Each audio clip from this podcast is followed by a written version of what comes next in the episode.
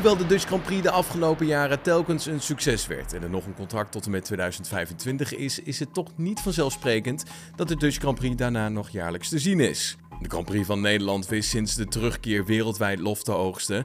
Toch is Van Overdijk zich bewust van de situatie. Hij laat weten tegenover motorsport.com dat een dorp als Zandvoort moet knokken tegen wereldsteden die meer geld hebben dan wij in Nederland. Volgens Van Overdijk heeft de FOM aangegeven dat ze races verder willen verspreiden over de wereld, wat dan weer ten koste gaat van Europa. Quote, Vol moet natuurlijk een besluit nemen over hoe ze daarmee om willen gaan. Maar de geruchten die je hoort zijn dat een aantal races in Europa zeker terug moet. Bijvoorbeeld met een roulatiesysteem. Einde quote. Ja, dat roulatiesysteem is een optie die al vaker in de media besproken is. Iconische Europese races zoals Spa-Francorchamps zouden wegens een gebrek aan geld niet op kunnen boksen tegen nieuwe races. En zo zou een roulatiesysteem een optie kunnen zijn. Quote, er zijn heel veel races in Europa. Het is dus geen vanzelfsprekendheid meer. Sterker nog, ik denk dat wij er rekening mee moeten houden dat wij na 2025 niet zomaar meer jaarlijks op de kalender zullen staan. Al dus van Overdijk.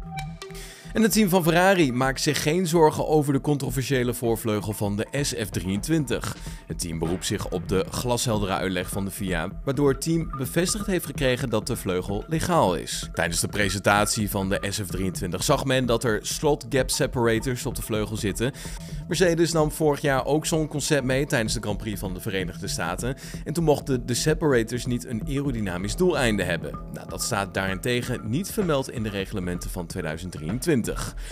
Bij de Britse Mirror bevestigt teambaas Frederik Vasseur dat de FIA al lang het groene licht voor het ontwerp heeft gegeven.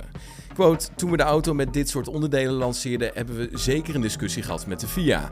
Voor hen was het glashelder dat het in orde was. De emotie van de andere teams, die kan me niet schelen. Einde quote.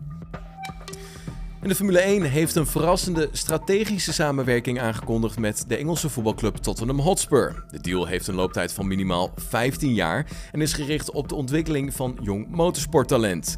Volgens het persbericht wordt hiermee een gloednieuwe motorsportervaring naar Londen gebracht. Ook wordt de eerste kartbaan onder een voetbalstadion ter wereld later dit jaar geopend. Dit zal meteen ook de langste indoor elektrische kartbaan zijn van de Engelse hoofdstad. Ja, ga jij hierdoor een tripje naar Londen boeken? Laat het weten in onze Apple Podcast Review. Volg dit kanaal voor de allerlaatste Formule 1 nieuws of check onze website gpfans.com.